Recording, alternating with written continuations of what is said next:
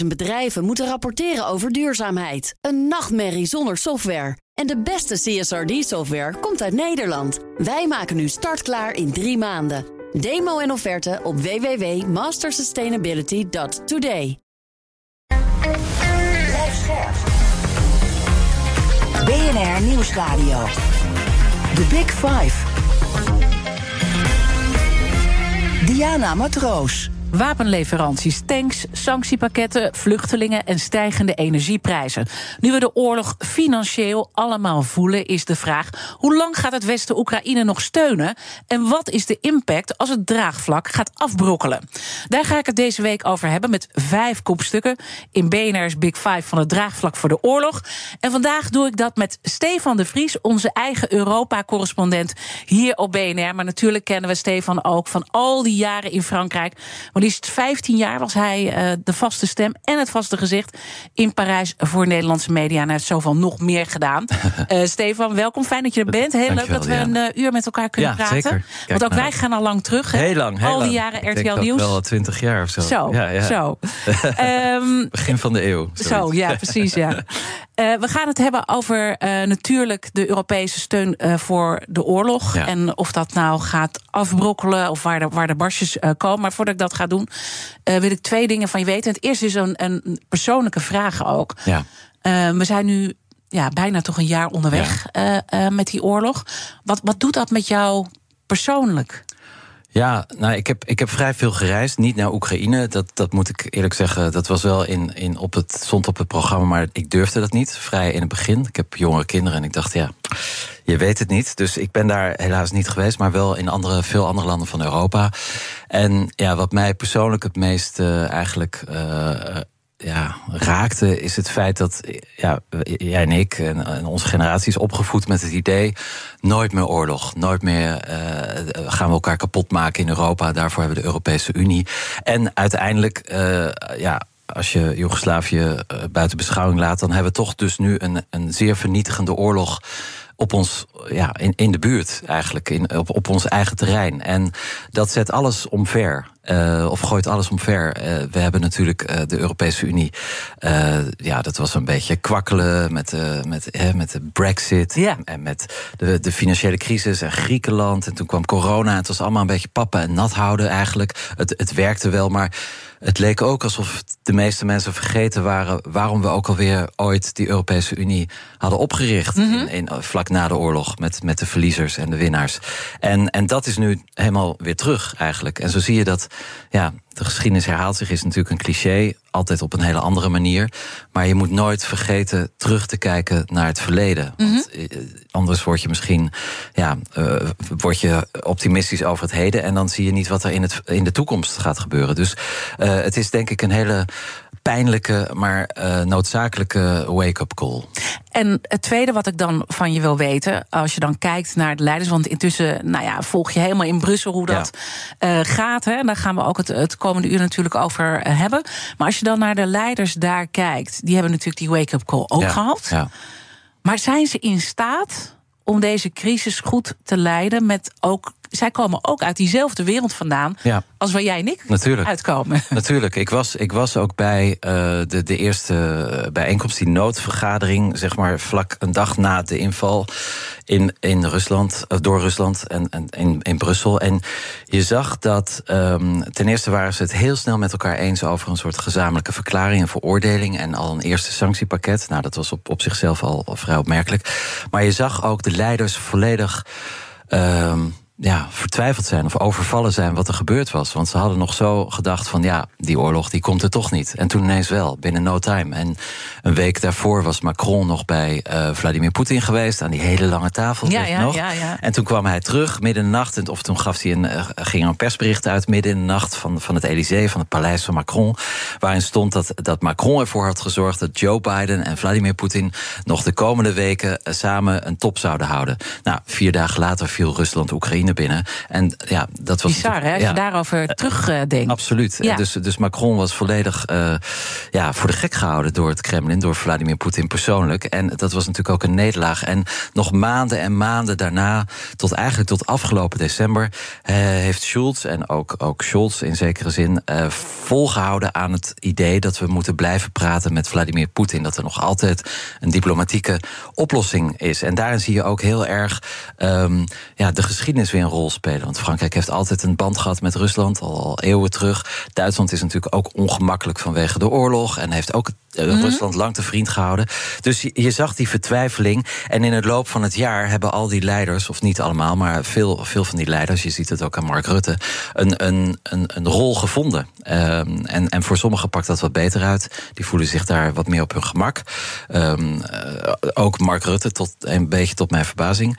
Um, en, en anderen wat minder. tot mijn verbazing? Nou ja, omdat dat natuurlijk altijd iemand is geweest die heel erg. Uh, ja, uh, zo, ja, hij, gaat er zelf prat op, dus ik, ik beledig hem niet dat hij geen visie had. Dat hij, dat hij dat, dan moet je maar naar de oogarts als je visie hebt. En hij zei heel erg reageren op wat er, wat er gebeurt. Dus het is een, een man die reageert en, en veel minder ageert. En ik vind dat hij, dat hij nu met. Um, met in zijn rol in de Europese Unie als het gaat om de, Europese, om de, om, de Oekraïne-oorlog.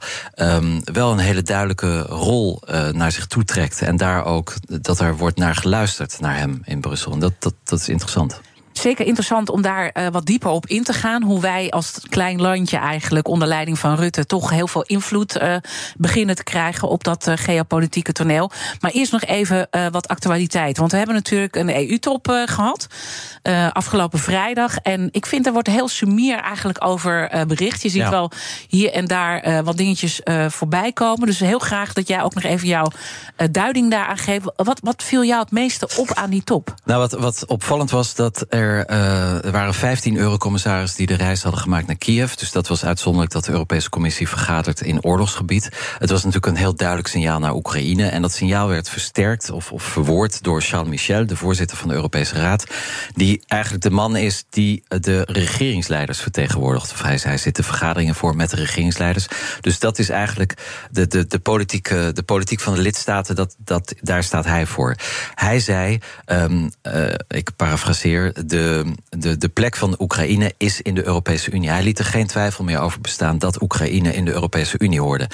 Uh, en dat, dat vond ik opmerkelijk. Natuurlijk had Ursula von der Leyen dat een half jaar geleden ook gezegd. Toen werd ze door velen op de vingers getikt. Uh, ze sprak voor de beurt, maar ja, en zij gaat er ook niet over, over de uitbreiding. Klopt, ik kan me die uh, kritiek nog uh, goed herinneren. Ja, ja zeker. Ja. En, maar ze zei het wel. En, en zij had natuurlijk een politieke agenda daarmee. En, en nu zie je dus dat Jean-Michel, en hij heeft dit echt overlegd met, met de hoofdsteden, dat, dat, daar is geen twijfel over. Um, dat hij dat dus ook zegt. Dus dat in, in een half jaar eigenlijk van... ja, ruim een half jaar geleden was iedereen nog echt wel fel tegen... of niet iedereen, maar waren felle tegenstanders tegen het idee... dat Oekraïne ooit lid zou kunnen worden. Als het meest corrupte land in onze nabijheid Bijvoorbeeld, natuurlijk. om maar ja. iets te noemen. Um, waaronder Frankrijk en, en Nederland. Nou, dat begon te schuiven. Op een gegeven moment werd Oekraïne vrij snel toch kandidaatlid, wat ook al bijzonder was. En nu zie je dus dat Jean-Michel eigenlijk ervan uitgaat dat Oekraïne ooit bij de Europese Unie komt. Er wordt geen termijn genoemd, dat kan nog heel En dat is dus echt wel wat wat hij daar op dat, moment echt, zegt. Ja. En, en, en, dat is eigenlijk niet opgepikt. Nee, nee. Wat, wat, wat zegt dat oh, allemaal die, die, over... Ja, we nou mogen ja, ook niks meer zeggen. Die mainstream media die liggen te slapen. Oh, dat, dat zijn we zelf. Ja, ja dat zijn we zelf, ja. nou ja, wij zijn dan even wakker, gelukkig, dankzij, uh, dankzij jou. Maar het, het, het, viel mij dus ook op. Er was vrij weinig over uh, te vinden. En ja dan denk ik, wat, wat, wat, wat zegt dat? Dat dat gebeurt? Nou, ik, ik bedoel, ik jij zit erin. Ja, ik kan me het ook wel voorstellen. Kijk, die, die, uh, Kiev wordt helemaal platgelopen door allerlei hoogwaardigheidsbekleders, met name uit Europa. Uh, en dit is het, volgens mij was dit al. Uh, dit was de derde keer dat Jean-Michel er was in Kiev. En Ursula von der Leyen zei dat het haar vierde keer was. Dus het is, je ziet ook tussen die twee een soort competitie. Ja, die zou heel lang gaan, hè? dus ik kan me voorstellen dat, ja, dat, dat dit wordt gezien als ja, weer een bezoek van de Europese Commissie in Kiev bij Zelensky.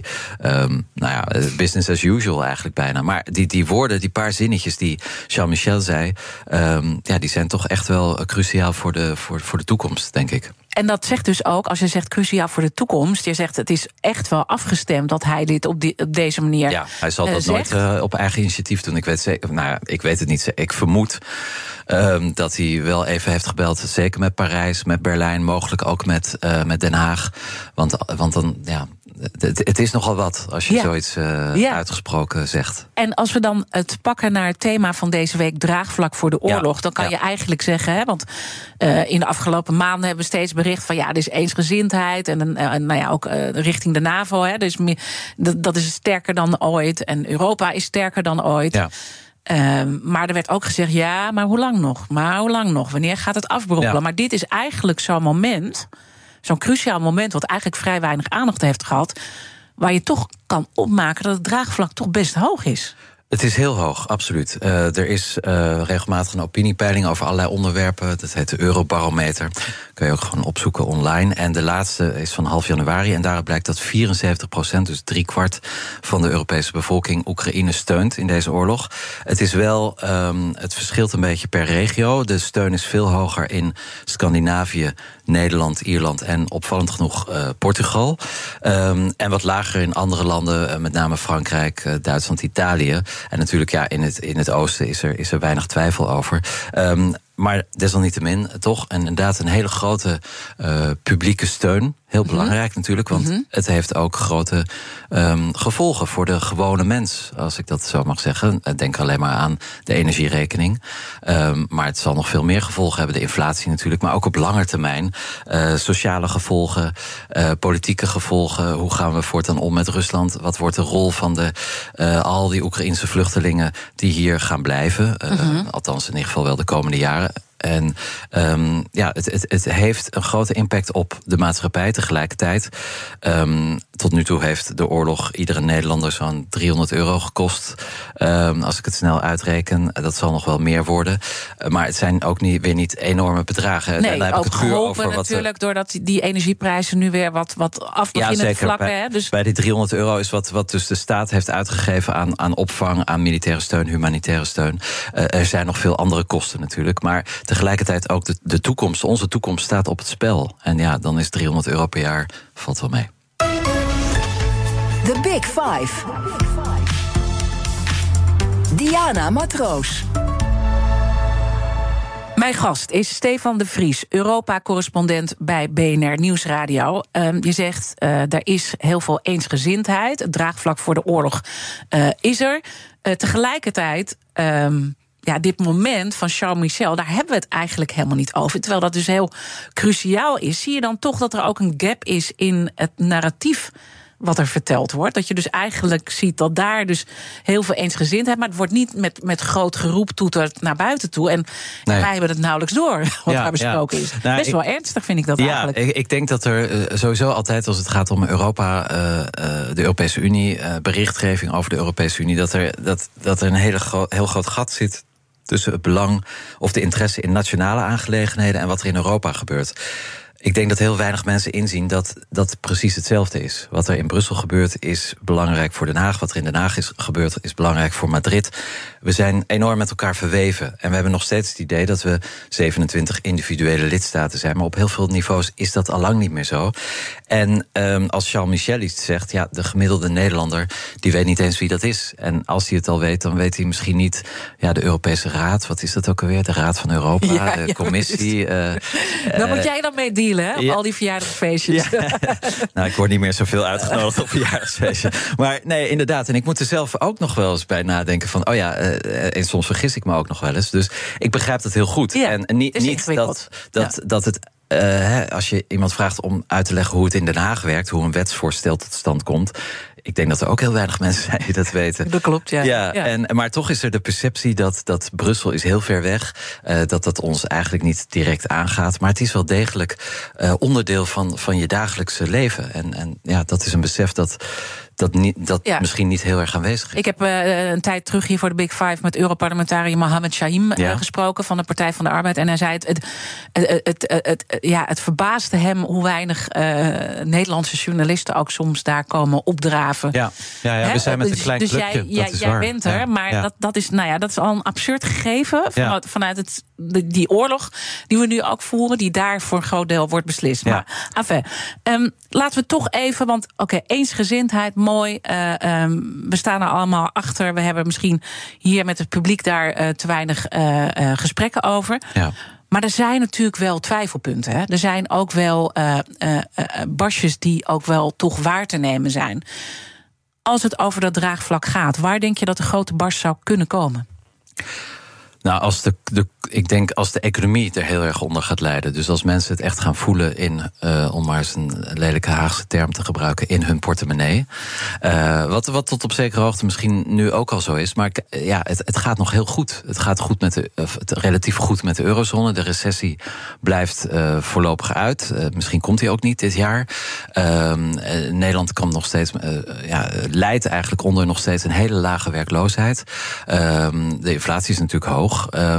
Maar het gaat eigenlijk relatief goed. En uiteindelijk, um, als we het uit economische, in economische termen beschouwen, zal die oorlog ons ook heel veel geld gaan opleveren. Dat klinkt heel cynisch, um, maar dat land moet helemaal herbouwd worden. De, de, de, schattingen lopen nu al uh, op tot dat kost minstens duizend miljard. Nou, die duizend miljard zal straks gaan naar heel veel Europese bedrijven. Um, als het, als er, ja, het, het is cynisch, maar, maar dat is de realiteit van, van een de oorlog. Een dood uh, is een anders brood, hè? Ja, ja. En, en, en, en dan moeten we natuurlijk. Uh, kijk, stel, Oekraïne komt ooit inderdaad bij de Europese Unie. Um, we moeten wel gaan nadenken over wat voor een Unie willen we eigenlijk? Wat voor unie krijgen we dan? Je ziet sowieso al sinds 2004, toen die tien nieuwe lidstaten erbij kwamen, dat het zwaartepunt aan het verschuiven is naar het oosten. Nou, voor Duitsland is dat gunstig, want dat ligt in het midden. Maar bijvoorbeeld Frankrijk begint nu toch wel behoorlijk in de periferie te liggen. Dan heb ik het op, over geografisch ja, ja, ja, heel uh, periferie. Ja. Maar dat, dat heeft ook zijn impact op, op de geest, de politieke geest in Frankrijk. Want in Frankrijk weten ze heel goed dat ja, als, als straks Oekraïne erbij is, dan heb je een enorm groot blok aan het oosten. En Frankrijk ja, ligt daar een beetje aan de Atlantische Oceaan te dobberen. Uh, dat geldt natuurlijk ook voor Nederland. Alleen ik denk dat Nederland wat pragmatischer is en minder dogmatischer dan, dan Frankrijk als het gaat om de Europese Unie. Maar het is wel een vraag die we moeten stellen. Je zou ook kunnen denken aan een soort van wat we eigenlijk nu ook hebben, een Europa van verschillende snelheden. Niet iedereen heeft Schengen, niet iedereen heeft de euro. Nou, dat werkt eigenlijk prima. Misschien komt er een harde kern van de oude oprichters. Dus Benelux, Duitsland, Frankrijk, Italië. Misschien met Spanje erbij. En dan daar een schil omheen en daar nog een schil omheen. Maar dat soort vragen wordt op dit moment. Ja, men is te druk met, met, met de volgende aanval op Kiev. Uh, en moeten we nog meer uh, raketten sturen? Dat is eigenlijk de vraag. Ja, want, want dan weer even terug naar die beginvraag. Je zag eigenlijk dat iedereen ook verschrikt was in het begin. Hè? Dus uh, wat, wat, wat, wat overkomt ons nu? Nou ja, op een gegeven moment pakt iedereen het wat meer naar zichzelf toe. Maar het is toch natuurlijk moeilijk als je dus moet gaan rennen vanwege al die achterstand in het begin. Ja. Dan is het dus ook heel moeilijk om over dit soort belangrijke lange termijn effecten uh, na ja. te denken. Die je natuurlijk wel moet uh, benoemen en terug moet vertalen naar de midden- en de short-term uh, problemen. Ja, absoluut. En dat is natuurlijk ook precies het probleem van de politiek. Je hebt, je hebt politici en staats mannen, staatsvrouwen, hoop ik ook. Um, en uh, we hebben nu eigenlijk alleen maar politici. Ze zijn bezig met de brandjes blussen van de dag. Brandjes die ze deels ook zelf veroorzaakt hebben. Ook door een gebrek aan visie. En daarmee doe ik natuurlijk op bijvoorbeeld de Nord Stream pijpleiding. Uh, heel erg uh, hemelhoogjoutsend aangekondigd door mm -hmm. Nederland en Duitsland. Want Nederland zat er ook in voor, voor 9 procent. Um, je herinnert je nog de foto van prins, hoe heet het tegenwoordig, koning, koning Willem-Alexander Alexander met, met, met een biertje en Poetin. Um, dat, dat, is, dat was niet toevallig. Dat zijn geen toevallige foto's of momenten. Dat, dat is, daar is, uh, dat is uh, willens en wetens een nauwe band opbouwen met Rusland. En ja, we moeten nu boeten voor die vers verschrikkelijke keuzes die we hebben gemaakt.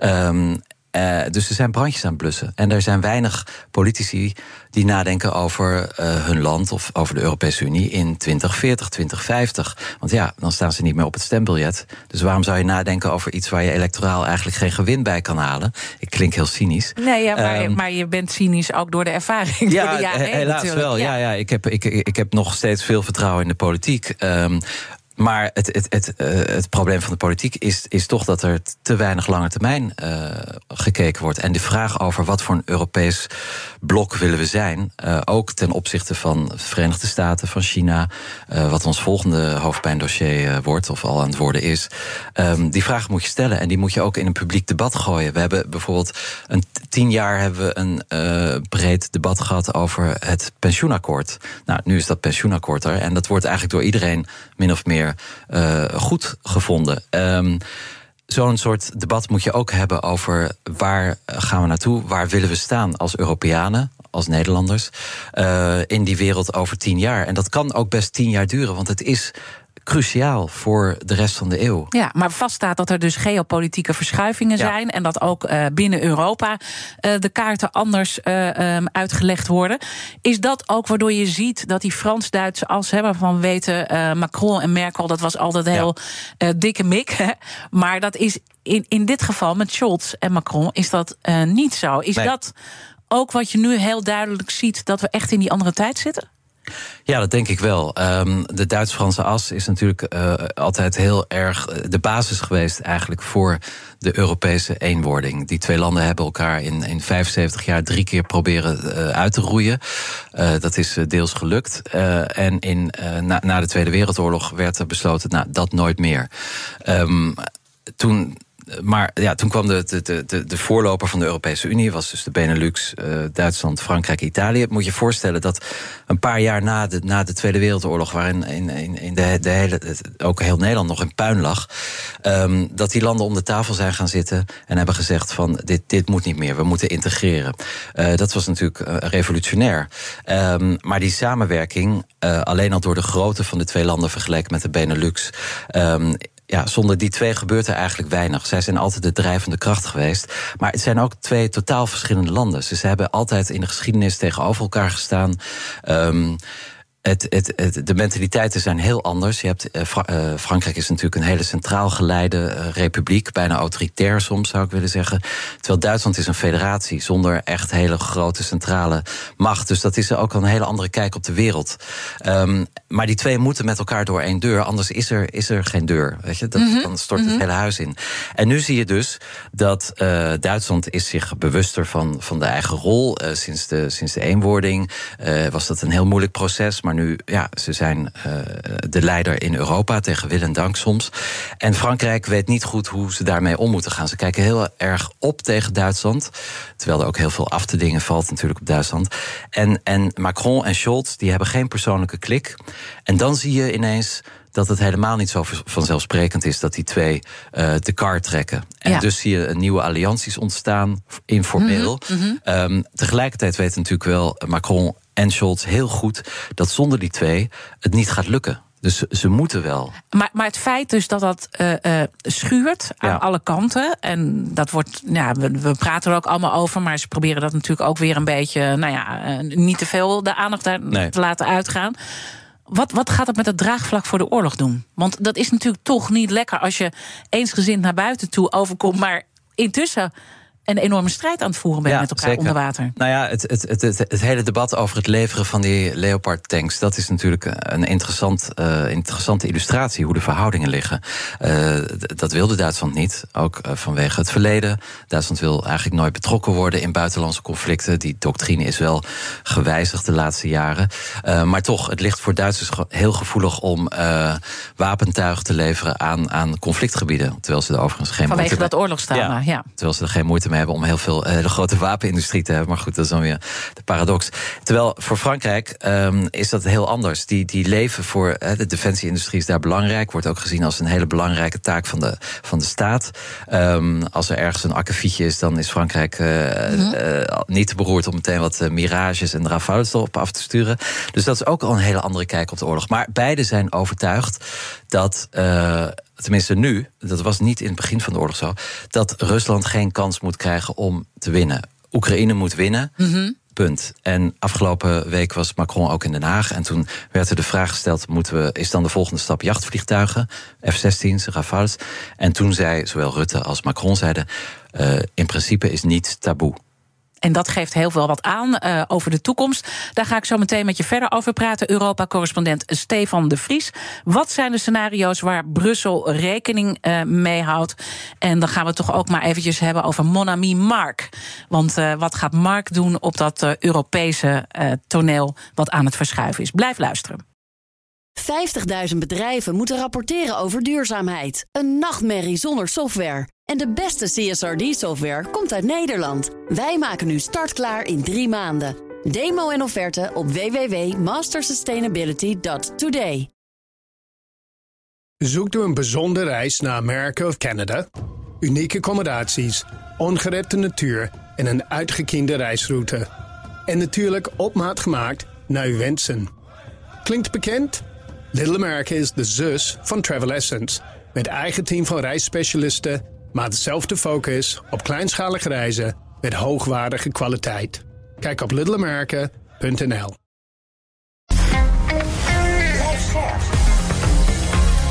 BNR Nieuwsradio. The Big Five. Diana Matroos. Welkom bij Tweede Half Uur. Deze week praat ik met vijf kopstukken over draagvlak voor de oorlog in Oekraïne vanuit het Westen. Later deze week praat ik nog met admiraal Rob Bauer. Hij is voorzitter van het Militair Comité van de NAVO. Mijn gast vandaag is Stefan de Vries, Europa-correspondent hier op BNR. En het komend half uur wil ik in ieder geval nog twee onderwerpen met je bespreken. Namelijk hoeveel meer steun we in de toekomst als Europa nog gaan leveren aan uh, Oekraïne. En uh, de Frans Duitse as, Frans-Nederlandse as. De mhm. verschuivingen die we daar ook zien. En nou ja, ook het, ook het vijanddenken. Want dat benoemde jij. Uh, ergens ook heel kort, maar ik denk dat het toch interessant is om daar nog even mee uh, te beginnen. Want iedereen heeft een historie. Um, Duitsland heb je goed beschreven, ook dat oorlogstrauma wat daar is. En ze waren natuurlijk ook ontzettend afhankelijk uh, van dat Russische gas. Ja, ja. Uh, Frankrijk, waar je ook al die jaren hebt uh, gezeten als, als correspondent. Hoe moeilijk vinden zij het om de draai te maken Poetin zien als de grote vijand? Heel moeilijk, heel moeilijk. Het is, um, uh, vorig jaar waren de parlementsverkiezingen. En uh, in de eerste ronde ging twee derde van de stemmen naar partijen die, uh, laat ik het zo zeggen, een. een een zekere sympathie nog hebben voor het Kremlin. En niet dat, dat dat het belangrijkste onderwerp was, maar het was zeker ook geen probleem voor twee derde van de stemmers om daarop te stemmen. De, de, de geschiedenis, de fascinatie met, met Rusland gaat terug tot in de 19e eeuw. Uh, tussen de Fransen en de Russen op politiek gebied, maar ook vooral op cultureel gebied, um, uh, sociaal gebied. De communisten in Frankrijk zijn nog heel lang uh, hebben deel uitgemaakt van de regering, waren echt een grote factor tot begin deze eeuw eigenlijk. Um, ik ben nu een boek aan het schrijven over Europa. En vorige week zat ik in de archieven van uh, de diplomatieke dienst in Parijs. En daar vond ik, daar was ik naar op zoek, maar het gespreksverslag dat uh, Charles de Gaulle en Stalin hadden in december 44. Dus toen was de helft van Europa bevrijd. Nederland nog niet. Althans, een deel van Nederland. En. Um, daar is hij acht dagen geweest. En acht dagen lang heeft hij gesproken met Stalin. En eigenlijk hebben ze daar onder één hoedje gespeeld en Euro Europa eigenlijk verdeeld. Um, met als doel dat zowel Rusland als Frankrijk nog altijd de dominerende wereldmachten zouden zijn. En uh, en, en, dat was ook de eerste reis van de Gaulle toen hij president, of ja, eigenlijk, hij was nog geen president, maar toen hij de Franse regering ging leiden naar het buitenland. Dus acht dagen naar Moskou. Uh, en dan lees je die gespreksverslagen, want die zijn nu allemaal niet meer geheim. En het, het, daar lees je eigenlijk al in wat er nu gebeurt met Frankrijk. Eh, de, de haat tegen Amerika, um, althans haat, zeg maar heel erg wantrouwen tegen Amerika, ook tegen de Britten. Uh, het toch tegen de Russen aanschurken. Want eigenlijk, um, als we niet tegen de Russen aanschurken, dan, dan, dan hebben we in Europa weinig die we kunnen vertrouwen. En dat zit er heel erg diep in. Vorige week was de uh, herdenking van de slag bij Stalingrad, uh, bij Vladimir Poetin, waar die grote woorden ook zei. En wie was daar aanwezig? Pierre, de kleinzoon van generaal de Gaulle. Kan je en, nagaan. Ja, dus dat is nog steeds tot op de dag van vandaag, ook voor de Russen, uh, iets heel belangrijks. En de Gaulle was gewoon behoorlijk, ja, ik zou niet zeggen pro-Russisch, maar uh, in ieder geval wel anti-Amerikaans. En, en dat zit er tot op de dag van vandaag nog steeds in bij een heel groot deel van de Franse politiek. En, en dat maakt het dus zo moeilijk om ook uh, Poetin, hè, want, want ik bedoel, naar buiten toe wordt er echt gezegd: uh, Oekraïne moet winnen, in ieder geval niet verliezen.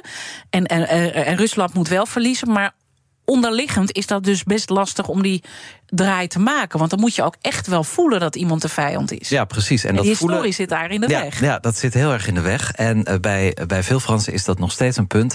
Die partijen uh, die vorig jaar dus uh, goed scoorden, die willen nu een debat over de wapenleveranties aan Rusland. Nu is het zo dat in Frankrijk de president beslist gewoon over alles. ook over, juist over defensie. Mm -hmm. De president kan zelf een oorlog beginnen in Frankrijk. En dan hoeft hij pas na drie maanden het parlement het voor te leggen. Ja, dus hij kan. bizar. Zo. Ja, ja, dus die wapenleveranties, dat gaat helemaal via het Elysée, via het paleis. En de, de Assemblée, de, de, Tweede Kamer, heeft daar weinig tegen, tegen in te brengen. Maar nu willen ze een debat. En ja, dat debat heeft natuurlijk een andere politieke agenda, namelijk het verzwakken van de opinie. Uh, voor steun aan, aan, aan Oekraïne.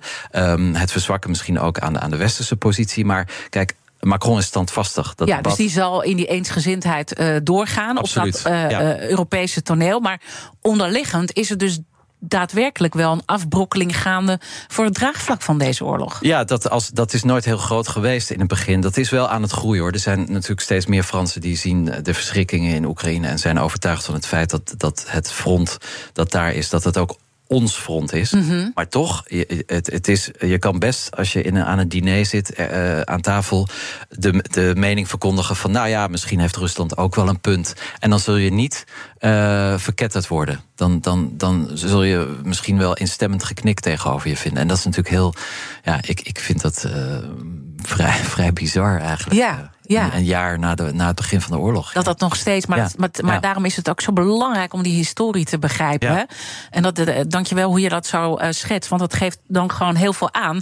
Eh, van Duitsland weten we dat wat beter ook natuurlijk. Door dat hele oorlogstrauma wat heel erg op de voorgrond speelt. Maar welke moeite hebben zij om de Russen als vijand te zien? Nou ja, dat, dat is ook ingewikkeld. En je ziet dat bijvoorbeeld, eh, je ziet als je een kaartje ziet met opiniepeilingen, dan zie je nog heel erg duidelijk eh, het voormalige, de, de voormalige DDR, dat daar de steun laag is en veel tegenstand tegen, tegen wapenleveranties. Dat land heeft natuurlijk een ingewikkelde geschiedenis, omdat het ook eh, deels bezet is geweest door Rusland. later natuurlijk bij het Oostblok hoorde, althans een deel daarvan. Ehm, pacifistisch is geworden na de Tweede Wereldoorlog. Uh, het is psychologisch een enorm ingewikkelde situatie. En interessant genoeg zie je dat nu vooral de Groenen, de Duitse Groenen, uh, die toch, uh, zou je denken, nou, die zijn het meest pacifistisch. Die zijn eigenlijk het meest voor wapenleveranties aan Oekraïne. Die begrijpen heel goed dat het, het, het voortbestaan van Europa toch echt op het spel staat. En, maar de Duitsers komen er niet uit. En dan is er ook nog een, een soort van boekhouder als bondskanselier, die, die eigenlijk nooit heel erg daadkrachtig is geweest. De erfenis van Angela Merkel, uh, die bij iedereen hoog werd geprezen, maar nu achteraf ja, toch uh, wordt verweten dat zij die band met Poetin zo nauw heeft gehouden. Ook omdat zij vloeiend Russisch sprak. En ook omdat hij vloeiend Duits sprak. Hij was natuurlijk spion ja, ja, ja, ja, geweest in ja. de DDR. Um, dus daar was ook een persoonlijke band. En dan zie je dus dat die persoonlijke banden um, heel erg belangrijk kunnen zijn voor uh, gebeurtenissen op het wereldtoneel. Ja. Eigenlijk schrikbarend. Ja. Je zou denken, ja, het gaat ook om gezond verstand. Maar nee, uiteindelijk als mensen, twee mensen een klik hebben, dan ja. Ja, en moeten we dan toch uh, het vertrouwen hebben in onze Monami Mark? Uh, nou, misschien op dit onderwerp. uh, nou ja, wat je zei eerder ja. van, uh, um, je bent toch verrast door hem, hoe ja, hij zich ja. nu uh, heeft gepositioneerd in deze hele oorlog en dat, dat, dat Europese schaakspel wat dus gaande is. Zeker, ja, dat doet hij heel, heel goed. Je ziet dat hij daar ook in vorm is, uh, terwijl hij natuurlijk jarenlang uh, Europa heeft weggewuifd en. Uh, maar daar, daar, is, daar was sowieso al een verandering aan het optreden uh, in, in zijn kijk op Europa. Um, maar nu in de Oekraïne-oorlog is hij uh, zeer uitgesproken en heel helder en duidelijk. En um, probeert ook die wapenleveranties. Hij heeft ook, er is ook druk uitgeoefend op, op Duitsland, weliswaar via Washington. Um, want Duitsland speelt ook alles via Washington. Hè? Dat is, moet je ook niet ja, vergeten. want zij moesten ook meedoen, want dan gingen, ze, dan gingen zij pas precies, meedoen. Hè? Dat precies, was toen de discussie. Ja. En, en terwijl in Frankrijk ja, begrijpen ze dat ook niet. Dan denken ze van de Duitsers lopen aan de, aan de leiband van de Amerikanen. Dus dat is ook nog een keer. En de Fransen die, die willen niets op dat gebied weten uh, van de Amerikanen. Dus dat, dat wringt ook. Maar inderdaad, Mark Rutte speelt een, um, een, een, een sleutelrol, een, een, een centrale rol. Um, dat, dat is een rol die ook is begonnen te, na de brexit. Um, uh, Nederland is belangrijker geworden. Ehm, de band tussen. Terwijl het ook een groot verlies voor ons was, die Brexit. Want, want het VK trok altijd met ons een beetje op, hè? Absoluut, absoluut. Ehm, maar eh, toch is het Macron, of, eh, Mark Rutte gelukt om een, om, een, om een soort van, ja, eh, ik zou niet zeggen een draai, maar in ieder geval de koers te veranderen naar meer Europees denken. En het besef dat, ehm, dat Europa het- middel is of het platform waarin we dingen kunnen betekenen, dat, dat zit er nu bij Mark Rutte echt wel in. En het meest kenmerkende vind ik het feit dat ehm, nou, in 2017, toen Macron net president was, heeft hij een beroemde speech gegeven aan de Sorbonne. Allerlei ideeën over Europa. Soms wat, wat meer utopisch of, of irrealistisch. En sommige eh, veel concreter. Maar een van de termen die hij daar gebruikte was de strategische autonomie. Eh, het idee van Macron was: we moeten eh, op onze eigen benen staan, strenger zijn, misschien wat protectionistischer. Ja, want anders redden we het niet. Nou, dat, was, dat, dat werd met eh, behoorlijk wat hoongelach ontvangen, die speech in 2017. Maar vorig jaar, januari, toen de, toen de, de, regering Rutte 4 aantrad, staat er in het coalitieakkoord letterlijk de woorden strategische autonomie. Dus dat is gewoon de input van Macron, die rechtstreeks terug is te vinden op het Nederlandse regeringsbeleid. Ja, ja, ja, en dat heeft maar, daar zit maar vijf jaar tussen.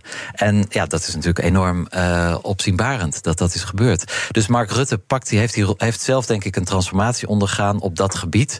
Ehm, weet dat hij nu cruciaal eh, kan acteren. Nederland doet heel veel eh, in vergelijking met de grootte van de krijgsmacht. Financieel ook, maar dat is voor Nederland een, een, minder groot probleem. Want er is eh, in Nederland nog steeds geld zat. eh, vergeleken met veel andere Europese landen. Maar eh, dus dat is interessant dat, dat Rutte en Nederland ja, echt, echt een, een, een centrale plek innemen. 50.000 bedrijven moeten rapporteren over duurzaamheid. Een nachtmerrie zonder software. En de beste CSRD-software komt uit Nederland. Wij maken nu startklaar in drie maanden. Demo en offerte op www.mastersustainability.today. Zoekt u een bijzondere reis naar Amerika of Canada? Unieke accommodaties, ongerepte natuur en een uitgekiende reisroute. En natuurlijk op maat gemaakt naar uw wensen. Klinkt bekend? Little America is de zus van Travel Essence. Met eigen team van reisspecialisten, maar dezelfde focus op kleinschalige reizen met hoogwaardige kwaliteit. Kijk op littleamerica.nl. BNR Nieuwsradio. The Big Five. Diana Matroos. Je luistert naar BNR's Big Five van het draagvlak voor de oorlog. Mijn gast vandaag is Stefan de Vries, correspondent Europa bij BNR Nieuwsradio. Uh, de gasten stellen hier altijd uh, vragen aan elkaar via Ja. de kettingvraag. Uh, vorige week hadden we een andere Big Five, de Big Five van de Verenigde Staten, gepresenteerd door mijn collega Art Royakkers. En een van zijn gasten was Rut Oldenziel, hoogleraar Amerikaanse geschiedenis aan de TU Eindhoven. En nou ja, ze had een beetje een off-topic vraag uh, voor jou, maar daar kom je vast en zeker uit. Luister maar. Amerika is natuurlijk hartstikke belangrijk. En gisteren kwam naar buiten dat driekwart van de Amerikanen zou graag willen dat Oekraïne gesteund wordt tegen Rusland. Nou, als je politiek Amerika beluistert, dan is dat helemaal niet gezegd en staat Biden onder druk. Ik zou heel erg graag willen weten of uh, de correspondent kan analyseren van het verschil tussen het draagvlak de Amerikanen en uh, hoe het precies zit bij de Republikeinse Partij dan met name. Ja, je bent natuurlijk geen uh, Amerika-kenner Nee. en, en, en watcher. Maar goed, je weet, je weet er voldoende van Ja. om erop te kunnen antwoorden. Ik, ik, hoop, ik hoop dat ik daar een, een samenhangend antwoord op kan geven. Um, nou, het is natuurlijk heel interessant dat, dat. Stel je voor dat Donald Trump nu president was geweest. Dan hadden we een hele andere situatie gehad. En um, dat is natuurlijk uh, what if, of al ja, een Ja. glazen bol uh, theorie. nou ja, dat, dat is ook hoe, hoe geschiedenis gaat natuurlijk. Ja, Ja, absoluut. Dat hangt echt af van, van, van soms stom toeval. Ehm, de steun van de Verenigde Staten in deze oorlog is, is, is onmisbaar. Ehm, ook voor Europa. Want we komen er nu ook achter, dat is ook interessant. Dat wisten we ook al trouwens. Maar dat we gewoon zelf niet zo heel veel voorstellen. Dat het gewoon een puinhoop is, onze eigen defensie. Ehm, dat er te weinig geïnvesteerd is. Onder andere door de leiders die nu ook hoog van de toren blazen. Dat er meer geïnvesteerd moet worden. Um, maar vooral dat er heel weinig samenwerking is tussen de, de uh, Europese strijdkrachten. Je hebt natuurlijk de NAVO, maar ja, het is nog heel veel, ieder voor zich. Nederland gaat wel ver. Um, werken samen, nauw samen met de Belgische marine. Uh, er komt nu eigenlijk een volledige integratie van de Duitse en Nederlandse landmacht. Dat is ongekend in Europa. Maar zonder Amerika zijn we niet zoveel. En dat is tegelijkertijd ook een, um, een, uh, ja, een, een, extra stimulans om um, meer samen te gaan werken. En, en meer te gaan werken aan die strategische autonomie waar Emmanuel Macron het over had. In de Republikeinen lijkt het mij heel erg verdeeld, voor zover ik dat als Europa-correspondent kan zien. Mhm. Dat er een groot deel is dat helemaal geen zin heeft om Oekraïne te helpen. Maar ik denk dat er ook toch nog wel. Ja. Uh, uh, republikeinen zijn die in de traditie staan van de democratie moet verdedigd worden. En dan kun je vragen stellen. Maar als je dit dus allemaal even koppelt aan het draagvlak voor de oorlog, ja. je ziet toch wel dat daar ook die scheurtjes uh, beginnen te ontstaan. Zijn er niet toch meer scheurtjes in Europa dan die wij misschien nu op het eerste gezicht uh, uh, zien? Want het is ook een bepaalde Um, ja, marketing is het verkeerde woord misschien wat ik gebruik. Maar je vertelt een bepaald verhaal. Natuurlijk. En, en, en, en je moet uitstralen dat je het allemaal zo eens bent met elkaar. Met, uh, achter de schermen is er heel veel discussie. Maar naar buiten toe praten we met één mond. Ja, um, Nee, ik, ik, ik denk dat, dat het debat moet ook gevoerd worden. Um, er moet niet zoals in Frankrijk gewoon maar wapentuig gestuurd worden en, en het parlement wordt buiten spel gelaten. Je ziet dat in Nederland het parlement uh, de Tweede Kamer uh, heel erg uh, voorstander is van wat er allemaal nu gebeurt. En, en, en bij ieder, iedere kogel, bij wijze van spreken, wordt de Tweede Kamer geconsulteerd. Ik overdrijf natuurlijk een beetje. Maar die spelen een hele duidelijke rol. En de Tweede Kamer is uiteindelijk toch het, het volk. Ja. Um, dus dat, dat kan in Nederland, maar sommige systemen werken anders. Um, het, het zou heel goed zijn om, een, om, een, om sowieso een debat te hebben over deze oorlog. En, en ook, uh, dat, dat is iets wat Mark Rutte dan weer niet heeft gedaan. En Macron wel.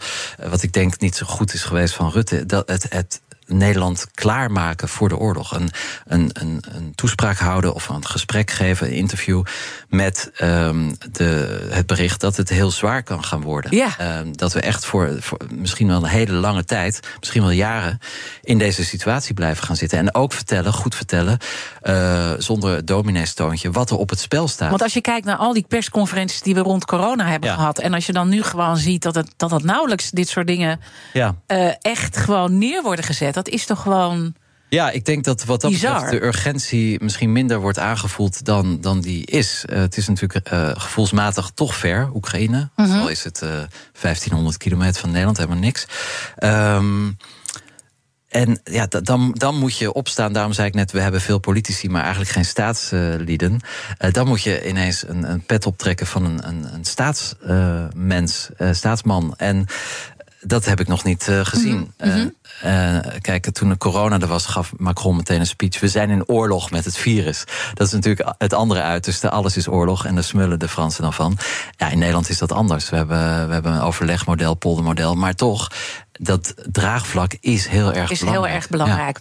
Ja. Um, toch, dat draagvlak, zeg je, is gewoon heel erg groot. Maar je was laatst, uh, want het is ook goed om naar andere landen uh, te kijken. En naar landen die ook een bijzondere rol ook weer kunnen vervullen. Je was laatst in Oostenrijk ja. en daar viel je op dat het echt wel totaal ander verhaal is. Ja, dat, dat verbaast me enorm. Um, ten eerste is uh, tijdens de Koude Oorlog was Wenen een soort was een spionnennest. Het was natuurlijk tussen Oost en West. Er kwamen heel veel Russen um, en er kwamen heel veel mensen uit het Westen. Um, Uh, je hebt natuurlijk die beroemde film The Third Man. Maar, maar goed, uh, Wenen was een spionnennest. En, en, en tot 1955 was Wenen bezet door de Russen. Dat was de deal na de oorlog. En pas toen werd Oostenrijk onafhankelijk. Dus die, daar is een enorme band met Rusland. Het wemelt daar ook echt van de Russen. Uh, die historisch gewoon banden hebben. De OPEC is daar ook gevestigd, ja. hè, de olieorganisatie. Um, dus, dus je ziet een spagaat. Het viel mij vooral op, de, de, de afwezigheid van de oorlog viel mij op in, in Oostenrijk, in Wenen. Ik ben daar een week geweest, heb wel flink wat mensen gesproken. Ook voor mijn boek, dus ook over dit onderwerp. En um, ja, ik heb ook eigenlijk geen Oekraïnse vlaggen op straat gezien. Ik zie ze trouwens nu in Nederland ook een stuk minder dan ja, ja, ja, ja, ja. Het is um, best wel weggezakt misschien voor een hoop mensen. Ja, dat denk ik ook. En, en, en toch is dat raar, omdat Oostenrijk ligt natuurlijk veel dichter bij, bij Oekraïne. Um, en, en ja, Oostenrijk worstelt met, met die verhouding met de Russen. De Russen zijn nog steeds eigenlijk welkom daar, um, als zover ze ja, daar kunnen komen. Maar eigenlijk zeg je dus dat die worsteling niet alleen in Oostenrijk ligt, maar dus ook uh, bij de Fransen, ja. die het dus ook ja. moeilijk vinden om uh, Poetin als vijand echt te zien en dat echt van diep uh, te voelen Mhm. door die lange banden die er al zijn. Duitsland twijfelt op zijn eigen manier, dus dan moet toch ergens ook draagvlak gaan afbrokkelen. Want hoe ver zullen we nog gaan? Ja, dat is de vraag. Ja, dat is dan Ehm, een hoe- vraag. Ja, wisten we het maar. Nou hangt er vanaf hoe lang gaat het duren. Ik denk dat we nog wel een jaar volhouden dat er brede steun is. Wordt het nog langer, ehm, ja, dan, dan wordt het politiek een heel lastig verhaal. Maar het moet verteld blijven worden dat de oorlog in Oekraïne is, is onze oorlog. Het is de oorlog van Europa. Ehm, en we hebben geen keus. Het, moet gewoon eh, klaar zijn daar. En Want waar ben jij bang voor? Nou, ik, ik, ik ben niet zo snel bang. Nee, maar nee, gelukkig. eh, kijk, de- er zijn natuurlijk theorieën dat als Oekraïne verliest, dat, dat dan, dat het Ja, dan ja. een domino-spel wordt. Het is, het is easy om eh, heel gemakkelijk om Letland even binnen te vallen. Het zijn anderhalf miljoen mensen. Dus Estland, eh, Litouwen. Eh, nu zitten die landen wel in de NAVO. Wordt dan een heel ander verhaal. Maar we kunnen het ons niet permitteren om aan die oostgrens een langdurig. eh, Ja, maar er zijn ook experts die zeggen dat het net zo goed een dominant spel is wat we aan het spelen zijn op dit moment door steeds meer in die oorlog gezogen te worden. Straks gaan we dan mogelijk F-16's weer leveren. Ja, we gaan ja. elke keer Ja, een stap verder Zeker. met, met allerlei dreiging die er weer terug kan komen bij ons. Ja, nou je ziet tot nu toe, eh, ja, dan wordt er gezegd als argument, ja, we moeten niet Rusland eh, nog verder eh, escaleren. Of, maar je ziet tot nu toe dat iedere nieuwe stap van het Westen eigenlijk niet echt beantwoord wordt door, door Rusland. Wel met misschien met wat, wat ferme taal. Ehm, maar het, het moet gewoon duidelijk zijn dat, dat Europa voor bepaalde waarden zijn en dat we daar ook bereid voor zijn om ehm, de tol voor te betalen. Ik denk niet dat we bereid zouden zijn, de Europeanen, om ervoor te sterven. Want ja, het hele concept van oorlog is uit heel veel. eh, uit, uit het collectief geheugen verdwenen in de Europese Unie. Eh, nog veel meer aan, aan- eh, in het westen dan, dan in het oosten natuurlijk. Want die hebben lang geleefd onder de druk van Rusland. Ehm, er is geen alternatief. Ja, het alternatief is, is een, een, een echt verscheurd Europa met, met, een, ehm, met altijd de dreiging van Rusland om de hoek. Het laatste wat we moeten verrichten is de kettingvraag die Ja. doorgaat. Je mag een korte bondige vraag stellen aan mijn volgende gast. Dat is Nancy Adler. Zij is hoogleraar herinnering, geschiedenis en recht in relatie tot regimewisselingen. En zij is trouwens ook verbonden aan het NIOD in Amsterdam. Ze is echt een expert als het gaat om het Stalinisme. Ja. Wat zou je haar willen vragen? Ehm, nou, mijn vraag betre- betreft eigenlijk haar, haar werk bij het eh, NIOD, eh, het Instituut voor Oorlogsdocumentatie. De vraag is: ehm, net als in de Tweede Wereldoorlog zullen Oekraïners lang kampen, misschien wel twee, drie generaties lang, met oorlogstrauma's en andere psychologische gevolgen van deze oorlog. Hoe daarmee om te gaan, is iedere oorlog anders op dat gebied? Of zijn er overeenkomsten waarmee we eigenlijk nu al die toekomstige traumaslachtoffers kunnen helpen? Mooie vraag. Die ga ik haar zeker stellen. En eh, heel fijn dat je hier wilde zijn eh, bij de Big Five. plezier, zoals altijd. Diana. Ja. Eh, dank Stefan de Vries, onze Europa-correspondent hier op BNR. En natuurlijk is alles van BNR's Big Five terug te luisteren. Abonneer je op onze podcast via onze app of je favoriete podcastkanaal. Maar heel belangrijk, blijf luisteren. Zometeen BNR breekt met Connor Klerks. Ik wens je een mooie dag. 50.000 bedrijven moeten rapporteren over duurzaamheid. Een nachtmerrie zonder software. En de beste CSRD-software komt uit Nederland. Wij maken nu startklaar in drie maanden. Demo en offerte op www.mastersustainability.today.